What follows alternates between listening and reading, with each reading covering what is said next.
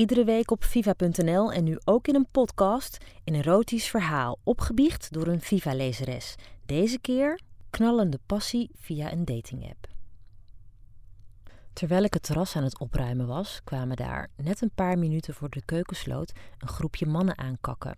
Voor de horecamensen onder ons, jullie weten hoe vervelend dat is. Maar goed, met een neplach op mijn gezicht heette ik ze welkom en bood ze een tafeltje aan. Toen ik goed keek, zag ik ineens dat er een ontzettende knapperd bij zat. Ik kon mijn ogen niet van hem afhouden en zijn geflirt was duidelijk te merken. Helaas kwam er geen actie, want zo stom van me, ik durfde zijn nummer niet te vragen. En ja hoor, toen gingen ze er weer vandoor. Stond ik daar, zonder telefoonnummer, flink te balen van mijn eigen verlegenheid. Ik vertelde het tegen een collega en zij spoorde me aan om Happen te downloaden. Jullie weten wel, die dating-app waarmee je een match krijgt met personen waarmee je de wegen kruist. Normaal gesproken ben ik niet van de dating-apps en ik ben al helemaal niet iemand voor just sex. Maar bij deze hottie moest ik mijn kans grijpen. Ik installeerde zo snel als ik kon de app op mijn telefoon en na enkele minuten zag ik hem al voorbij komen. Vol spanning drukte ik op like en yes, we waren een match. Het duurde niet lang voordat hij een berichtje naar me stuurde. Wat was ik blij. We kletsten, wisselden nummers uit en al een paar dagen later stond er een date op de planning. Mijn bordeauxrode bodysuit, die al een half jaar ongebruikt in de kast lag, kon eindelijk aan.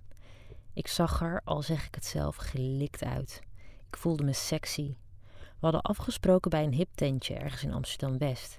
Hij zag er nog net zo lekker uit als de vorige avond toen ik hem ontmoette. En nu waren we wel open naar elkaar. De spanning was duidelijk voelbaar en de fles witte wijn was in no time leeg. We keken elkaar vurig in de ogen en één ding was overduidelijk: we wilden elkaar. Het was zonde om hem niet mijn sexy bodysuit te showen, dacht ik.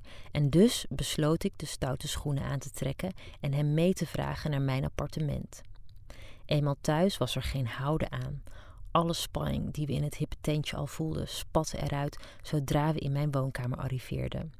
Hij rook heerlijk naar mannenparfum. We zoenden, lang en intens. Het voelde hemels en zijn lippen smaakten naar Pinot Grigio. Het duurde niet lang voordat we op mijn hoekbank belanden en zo verlegen als ik op de avond dat ik hem ontmoette ook was, zo zelfverzekerd was ik nu. Ik kroop op hem en rukte zijn witte shirt van zijn lijf. Ik likte elk deeltje van zijn borst en zijn borstharen kietelden tegen mijn gezicht. We moesten beide keihard lachen en zonder dat ik het doorhad lag ik opeens op mijn rug. Hij ging op me zitten, kleedde me uit en zoende elk deeltje van mijn lichaam. Ik had nog nooit zo'n erge lust gevoeld. Hij nam me alsof hij al jaren geen seks meer had gehad, hard en geil. Er kwam geen einde aan en ik wilde ook niet dat het zou eindigen. We keken elkaar in de ogen en zijn harde stoten vloeiden over naar zachte, gepassioneerde stoten. We hielden het beiden niet meer. Ik schreeuwde het uit. En niet veel later, met een onverstaanbaar gekreun, kwam ook hij tot een hoogtepunt.